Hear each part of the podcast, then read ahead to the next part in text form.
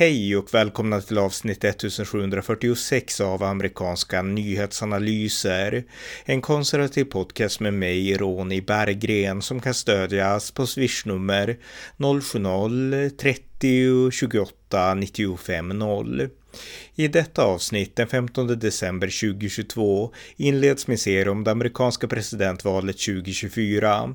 Under de två kommande åren kommer nämligen det att diskuteras allt mer för varje dag som går. I detta första avsnitt samtalar jag med mina kollegor Björn Nordström och Pelle Zackrisson om huvudpersonen från förra valet, Donald Trump. Frågan är bara om han i detta val blott kommer att bli en eftertanke eller klara av att lyfta sig själv till nivå nivån av en ny superhjälte. Det diskuterar vi i detta avsnitt. Varmt välkomna! Björn Nordström och Pelle Zackrisson, välkomna båda två. Tack så mycket. Tack. Eh, ja, vi ska prata lite idag om det stora besked som har kommit, eller pålysningen om ett stort besked. Det är ju så här att eh, man kan väl säga ändå att presidentvalet 2024 har kört igång, därför att Donald Trump, han har ju pålyst en presidentkandidatur och det gjorde han ju faktiskt redan den 15 november. Och eh, jag tror att det var ett rekordtidigt, en rekordtidig pålysning tror jag. minns ni om det var det? Pelle? Jo, nej men det måste ju varit det tidigaste någon har pålyst. Eh, Alltså i, precis i samband med mellanårsvalet, midterms. Mm. Exakt, och då hade du inte jag gått... Skvatt... Ja, ja, fortsätt Björn, fortsätt. Jag tänkte säga, jag är inte skvatt förvånad faktiskt därför att mellanårsvalet handlar mindre och mindre om Donald Trump och jag tror att han har ett intresse av att hamna i, i, liksom i centrum hela tiden så att jag tror han tryckte in sig där för att se till att det återigen blev diskussioner om honom och inte något annat. Mm, exakt. Och det var ju så här alltså, bara för att ta en repris, alla som lyssnar har ju hört det redan, men eftersom det gick så dåligt för Republikanerna så fick ju Trump ingen skjuts framåt, utan tvärtom. Det här gav nästan Republikanerna tillfälle, kändes det som, att på något sätt kroka av Donald Trump från tåget. Lite så kändes det, eller hur Pelle? Ja, det blev en... Eh, det blev på något sätt ett... Eh, han tappade sin mojo. Vi har pratat om det där tidigare. Att eh, det känns som att det blev ett eh, början till eh, någon form av avslut när det gäller Donald Trump och eh, det republikanska partiet. Mm, verkligen. Jag vill bara invända mot en sak. jag håller inte med mm. om att det gick så dåligt för, för republikanerna därför att de har ju mer makt nu än innan valet. Så det, är faktiskt, det gick sämre än förväntat. Men de har mer makt nu än de hade innan valet. Så att i det stora hela så gick det väl faktiskt hyfsat. Men för deras egna mått och förhoppningar så gick det kanske dåligt relativt sett. Ja, ja, men så kan man säga, absolut. Du brukar säga det, du har helt rätt. Alltså, Republikanerna är fortfarande, alltså de har tagit representanthuset, sen vann de ju inte här då i Georgia, senatsplatsen, så de förlorar en plats där. Men sen har vi det här intressanta då att Kirsten Sinema, som vi har pratat om Björn, yeah. eh, hon har hoppat, eller hon har i alla fall blivit oberoende, senaten från din delstat Arizona och sådär. Så yeah. att, eh, ja, lite åt, åt båda håll här. Men hur som helst, det vi ska prata om idag, det är så här att eh, eftersom då Trump har tappat lite mojo som sagt, så är det mycket prat om Ron DeSantis, guvernören i Florida som det gick superbra för i midterms och en undersökning som publicerades i förrgår av eh, av eh, Suffolk University och USA Today. Där leder alltså Ron DeSantis med 56 mot 33 procent mot liksom en, en möjlig liksom matchup med Donald Trump. Så att han har verkligen vinden i ryggen. Och då var det så här att Donald Trump han gjorde en stor pålösning igår om att han skulle pålysa något stort idag. Och det här är ju, yep. ja, det är det vi ska prata om egentligen här då och, eh, och så. Eh, Pelle, om du, om du säger någonting om, om, om vad det var han, han ville pålysa, om du har något då, om du vill säga något om det. Ja, alltså han gick ut med ett meddelande om att det skulle komma något super-announcement och eh, så kom det en kort, ett kort klipp då, där det verkar vara som ett slags eh, samlingskort, eh, trading card. Jättepopulär sysselsättning i USA, baseballkort och amerikanska fotbollskort och sådär. Och då har man, ser det ut som att man har tagit fram en, en, version, en variant med Donald Trump som superhjälte. Eh, och det var ju som en teaser då inför själva, själva det här eh, ja, meddelandet som han gick ut med som handlade om yttrandefrihet och eh, en rad olika förslag som man hade på det området. Ja. Ja, eh, och eh, jag kan säga så här då att han släppte en video också där han stod i liksom någon slags, eller han, alltså det var en bild då på det här kortet som man fick se på Truth Social då, liksom när han stod liksom i någon slags supermandräkt. Men, men alltså poängen, det här blir ju en slags, vad ska man säga, en presidentkandidat som ska pålysa något stort för spekulationerna det var att det här skulle handla om att kanske Trump kommer återvända till Twitter, kanske han kommer att pålysa till och med så här tidigt en eventuell vicepresidentkandidat, eller kanske kommer han att på något sätt ja, alltså något riktigt stort och så pålyser han en sån här sak. Alltså vad, ja, vad säger det ja. Björn? Ja, jag tror ärligt talat, och det här är bara min åsikt, men jag tror att han börjar bli lite desperat faktiskt. Han vet ju att han ligger efter Ron DeSantis. Jag tror han vet att folk inte egentligen vill ha honom som presidentkandidat. Så jag tror han försöker med olika medel nu framställa sig själv som att han är Republikanernas självklara kandidat för nästa val. Även om han förmodligen inte är det egentligen. Och det är det jag tror att det, det, han försöker sända signaler som inte baserar på verkligheten utan lite mer på hans egen önskedröm. Och det, jag tror det är där vi är. Utan han försöker nu trycka in sig själv i hetluften på olika sätt när han vet att DeSantis är egentligen den som, som är den, den, den naturliga valet nu för Republikanerna. Mm.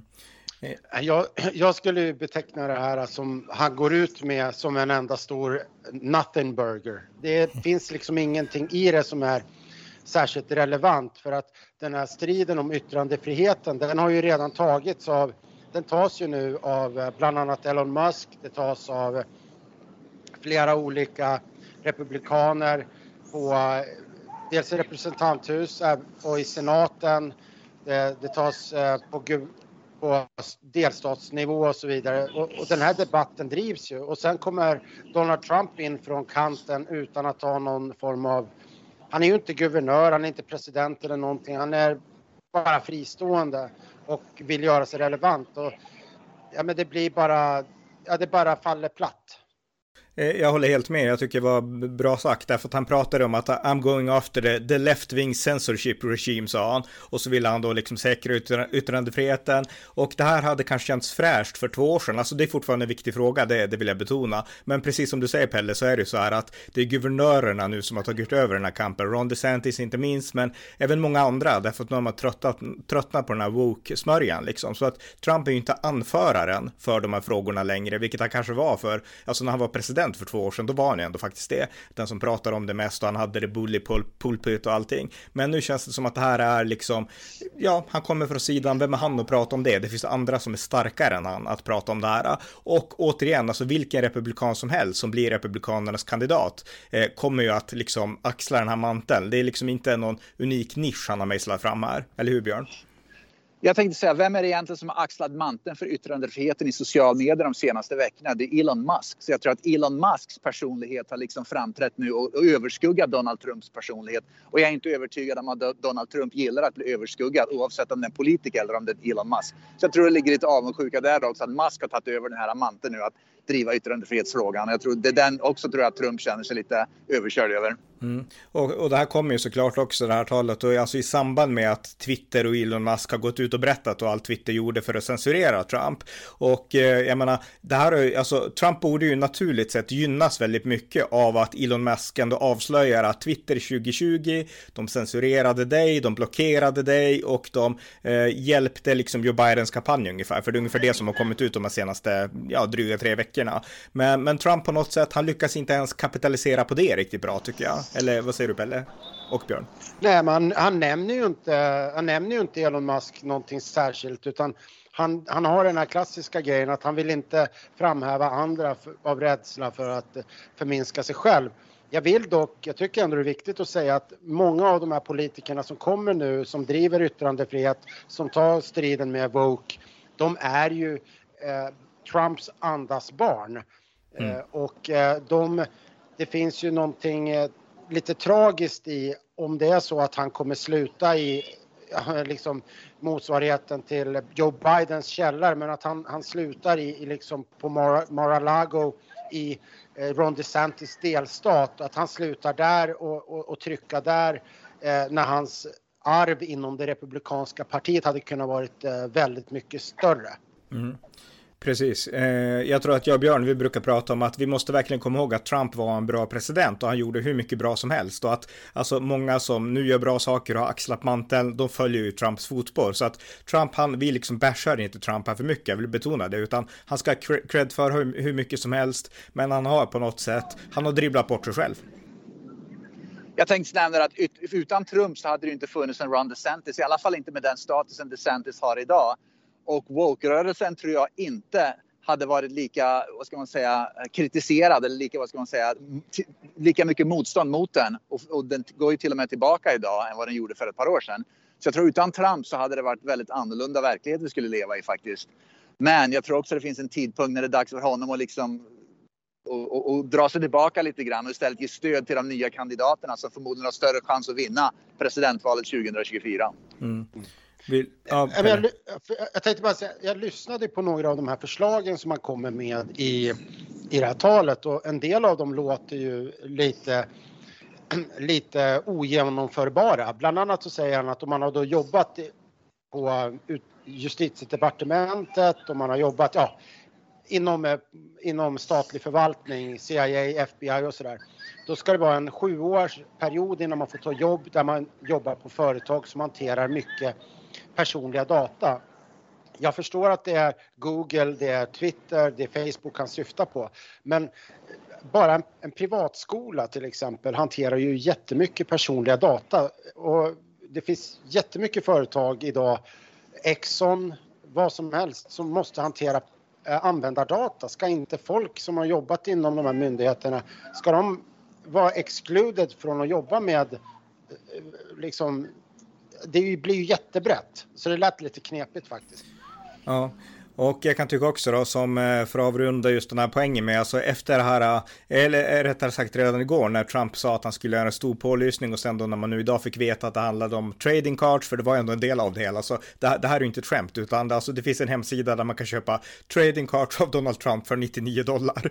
Och eh, Joe Biden han skrev också så här då att, idag att I had some major announcements the last couple of weeks too, skrev Biden. Och så jag har också något att pålysa. Så han liksom parafraserade Trump och sen så berättade han om sin egen accomplishment-lista, alltså Brittany Griner och liksom de lagar han har fått igenom liknande.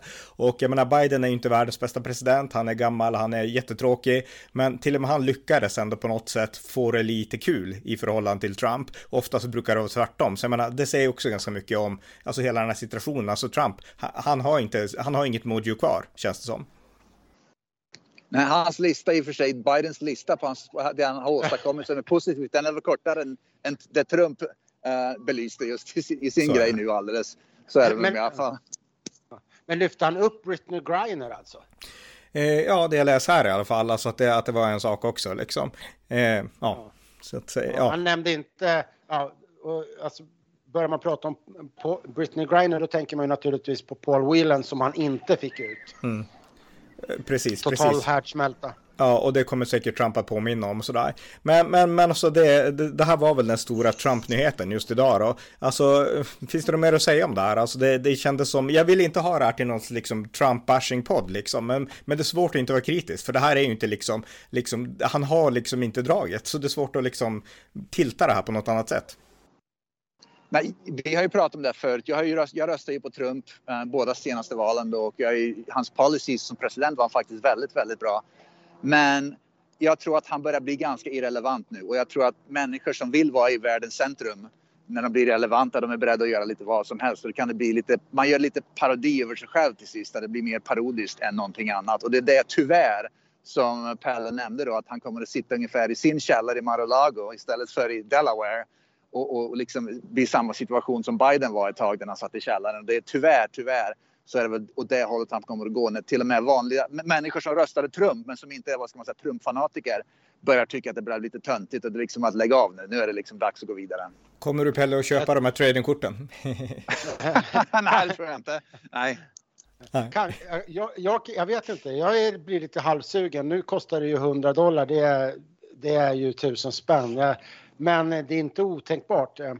Uh, jag hade en fråga till, ja, jag hade, en fråga, jag hade faktiskt en fråga för Björn. Som, för jag, du, du bor i USA, amerikansk medborgare och jag tänker det här med att uh, att det är ganska att det är viktigt att vara en vinnare, att inte framstå som en loser om man ska vinna. Du kan, inte, du kan bara förlora så många gånger innan du tappar den här eh, att folk får känslan att du är någon som kommer kunna vinna. Och att Trump har nu, eh, rätt eller fel, men han börjar få den här känslan att han inte längre är en vinnare. Kan det ligga något i det? Absolut. USA är mycket mer vinnarskalle än Sverige. Det vinnar, att vara en vinnare, att framstå som vi vinner, att vara en vinnare är väldigt, väldigt mycket viktigare än i Sverige. Och det tar inte mer än en eller två förluster in, i politiken innan man anses vara en förlorare. Och är man förlorare då har man ingen chans längre. Även om man har drivit bra policies eller man kan bli en bra president eller vis, vad det nu är för, för politik man går in i. Men att framstå som en förlorare, om det är det, man har förlorat ett par val, då vet man att då är man körd för resten av livet. För man kommer att vara en loser. Och det, det är någonting som tas väldigt allvarligt i USA bland väljare medan i Sverige bryr man sig inte om sånt där på samma sätt. Nej, precis. Och eh, det jag tänkte säga också, det är ju att, eh, jag menar, nu är det mycket, det är inte så mycket så här eh, alltså, att alla snackar skit om Trump, men man ignorerar honom, man bryr sig inte om honom, om honom medan Ron DeSantis, han har verkligen ett uptalk, alltså alla pratar positivt överallt, alltså både demokrater och republikaner, de har säkert olika motiv, men alltså alla pratar gott om Ron DeSantis. Trump pratar man kanske negativt om om man är demokrat, eller så ignorerar man honom, så att jag menar, det, det är verkligen så, alltså nu har Trump inte, han har inte liksom medvinden, han är är liksom, han blir allt mer en loser och allt fokus riktas nu mot Ron DeSantis. Men det ska sägas, jag läste ändå att Biden-teamet som nu börjar förbereda liksom, för allt tyder på, vi vet inte än, men Biden kommer bestämma sig i samband med, ja, kanske efter, efter att han har varit hemma på liksom jullov och liksom nyårslov och sånt där, att eh, om man ska ställa upp igen och allt tyder på att han kommer att göra det. Och eh, de, ja. som, de som i så fall kommer att arbeta med Bidens team, de har sagt att vi kommer att rikta in oss på, vi kommer utgå ändå från att Trump kommer att bli huvudmotståndaren. Så att det, det känns som att Demokraterna fortfarande inte, alltså de är fortfarande på sin vakt mot Trump. Mm. Jag tror att, jag tror att, bara en sista grej, jag tror att om de byter ut Kamala Harris, vilket inte är troligt, om, om eh, Biden kör en gång till, då lär det väl bli Harris igen, men, men om hon byts ut eller om det är så att Biden avstår, då tror jag en eh, en viss herre från Georgia kommer vara det stora heta namnet inom Demokraterna, Raphael Warnock. Då tror jag att det är han som kommer vara eh, den stora eh, presidentkandidaten för Demokraterna eh, om Biden inte blir det. Ja, intressant tanke. Ja, så jag tänkte bara slänga fram det, men det var bara ett sidospår. Ja. Jag tänkte bara nämna en snabb sak att Gavin Newsom, guvernören i Kalifornien, han körde ju negativ reklam om Ron DeSantis i, i Florida under, all, i, under, innan mellanårsvalet. Och jag tror det säger en hel del när uh, en guvernör 300 mil bort på andra sidan USA um, riktar in sin reklam, negativa reklam mot en viss guvernör på raka motsatta sidan av landet. Och det tror jag säger en hel del vilka som Demokraterna egentligen är mest rädda för. Och, när man tittar på opinionsundersökningarna som kommer ut nu ganska regelbundet Ron DeSantis ligger konstant före Joe Biden medan Donald Trump ligger efter Joe Biden om de går head, head to head. Mm. Mm. Ja. Ja, det här är något som vi får återkomma till känns det som. Finns det något mer att säga? Alltså, nu, alltså man kan ändå säga att det Trump har gjort, oavsett om han lyckas eller inte, vi får se om han, om han kommer att bli en eftertanke i det här valet, eller om han lyckas klättra upp och ändå bli en superhjälte igen. Alltså vi kan ju helt fel här, det kan hända att Trump liksom kommer tillbaka med stormsteg, vi får se. Men, men oavsett, det Trump har gjort med det här, det är att han har ändå släppt ner bollen. Nu har matchen startat inför 2024, håller ni med om det? Ja. Ja. Mm. ja. Och en sak jag tänkte nämna, gruppen som är väldigt, som är absolut viktigast här, det är oberoende väljare. För det finns ungefär en, om man delar upp det ganska enkelt, en tredjedel amerikaner är demokrater, en tredjedel republikaner, en tredjedel, inkluderat mig själv, är oberoende. Den oberoende gruppen tror jag är ganska trött på Donald, Trump. Den gruppen är den som kommer att avgöra valet, vilket de ofta gör. Den gruppen kommer förmodligen med stor majoritet stödja DeSantis men inte stödja Trump. Och det är den gruppen republikanerna måste tänka på hård, kärnrepublikaner kommer alltid rösta republikanerna men, men de som sitter i mitten och är oberoende tror jag inte i stora mängder kommer att gå ut och, och liksom hylla och tycka det är jättebra att Donald Trump är kandidaten. Det är den gruppen som jag tror republikanerna måste ta stor hänsyn till när de får fram sin nästa kandidat. Mm. Jag, jag, har en fråga till också till dig Björn och det är, jag menar, vi minns ju alla, alltså Trump höll ju jättestora rallyn där 2020 och det var ju det som gjorde att, ändå att han kunde klättra ganska mycket där på hösten och börja komma ikapp Joe Biden. Och jag menar, ställer Biden upp igen kommer han att vara fyra eh, år äldre och ännu tröttare och jag har svårt att tänka mig att Biden kommer att hålla så många liksom tuffa kampanjrallyn. Han gjorde ju knappt det för fyra år sedan. Alltså hur betydelsefulla är sådana här kampanjrallyn för liksom att folk ska liksom både oberoende och alla andra ska känna att den personen röstar vi på? Be betyder Egentligen inte. Jag tror inte de är lika viktiga, ärligt talat, som man kanske tror. Det räcker att det står ett D framför kandidaten så röstar många automatiskt på det. Jag menar, Joe Biden satt ju i källaren under lång tid och han vann ju ändå valet. Va? Så att här i USA, framförallt här i Arizona, så snackar man mycket om det att, att det räcker att du har bokstaven D. Om du är en vattenmelon kan du vinna valet bara det står bokstaven D framför dig. Om du har bokstaven R framför Republikanerna då måste du kämpa mycket hårdare. Va? Mm. Så det finns många fler. Det är liksom som Socialdemokraterna i Sverige lite grann. Man röstar på sossarna utan att överhuvudtaget tänka sig för. Medan Sverigedemokraterna verkligen måste kämpa hårt för att få sina röster. Ja. Eh, och, det är samma sak här lite grann. Jag förstår och det för mig till liksom slutpengar därför att jag menar, eh, alltså Trump är gammal och jag tror att han, han alltså förr var det ju säkert så att det här med rallyn och sånt var viktigt, men jag menar nu finns det sociala medier, internet liksom, alltså det finns ett helt annat sätt att kommunicera och Trump är personen som ändå betonat att vi ska liksom göra det på det klassiska sättet, vi ska hålla stora rallyn och vi ska rösta på valdagen, liksom ingen, ingen liksom poströstning och liknande, utan vi ska göra som man gjorde på 70-talet ungefär. Jag menar, det är inte att tänka på liksom de smartaste sätten framåt, eller hur Pelle? Nej, nej, absolut inte. Nej. Och eh, ja, det är väl dags att avrunda, men alltså jag skulle också vilja skjuta in en sak då allra sist och jag vill bara betona att alltså även om vi nu har kritiserat Trump, jag vet att det finns många som lyssnar på podden som verkligen gillar Trump och hoppas att han ställer upp, eller det gör han nu med att han vinner igen och sådär. Alltså, jag är kritisk till Donald Trump, jag tycker att han har trampat i klaveret, jag är som ni vet kritisk till hans valkonspirationsteorier och jag tror att det är dags, precis som vi har pratat om här, att Republikanerna ser efter efter någon ny kandidat. Men det här betyder inte att jag har den här ståndpunkten. Det betyder inte att vänsterliberal media är bra på att analysera Trump helt plötsligt. Det betyder inte att svensk media är bra på att liksom förstå Trump nu och liksom att nu har svensk media rätt om, om Trump, utan de är ju bara skadeglada. Det förstår jag också. Så att det är inte det som är min eller våran inställning här vill jag bara betona, utan jag gör i alla fall, åtminstone jag, alltså analysen att Trump är en dålig kandidat. Och eh, det har inte med att jag är skadeglad eller någonting att göra, utan jag vill bara betona det också. Utan eh, vänsterliberal media, de har gjort dåliga Trump-analyser och de kommer förmodligen att fortsätta göra dåliga Trump-analyser. Men det i sig kan ju inte legitimera att man plötsligt bara tycker tvärtom att ja, men, eftersom vänsterliberal media tycker att Trump är så kass så måste han vara bra. Så enkelt är det inte heller,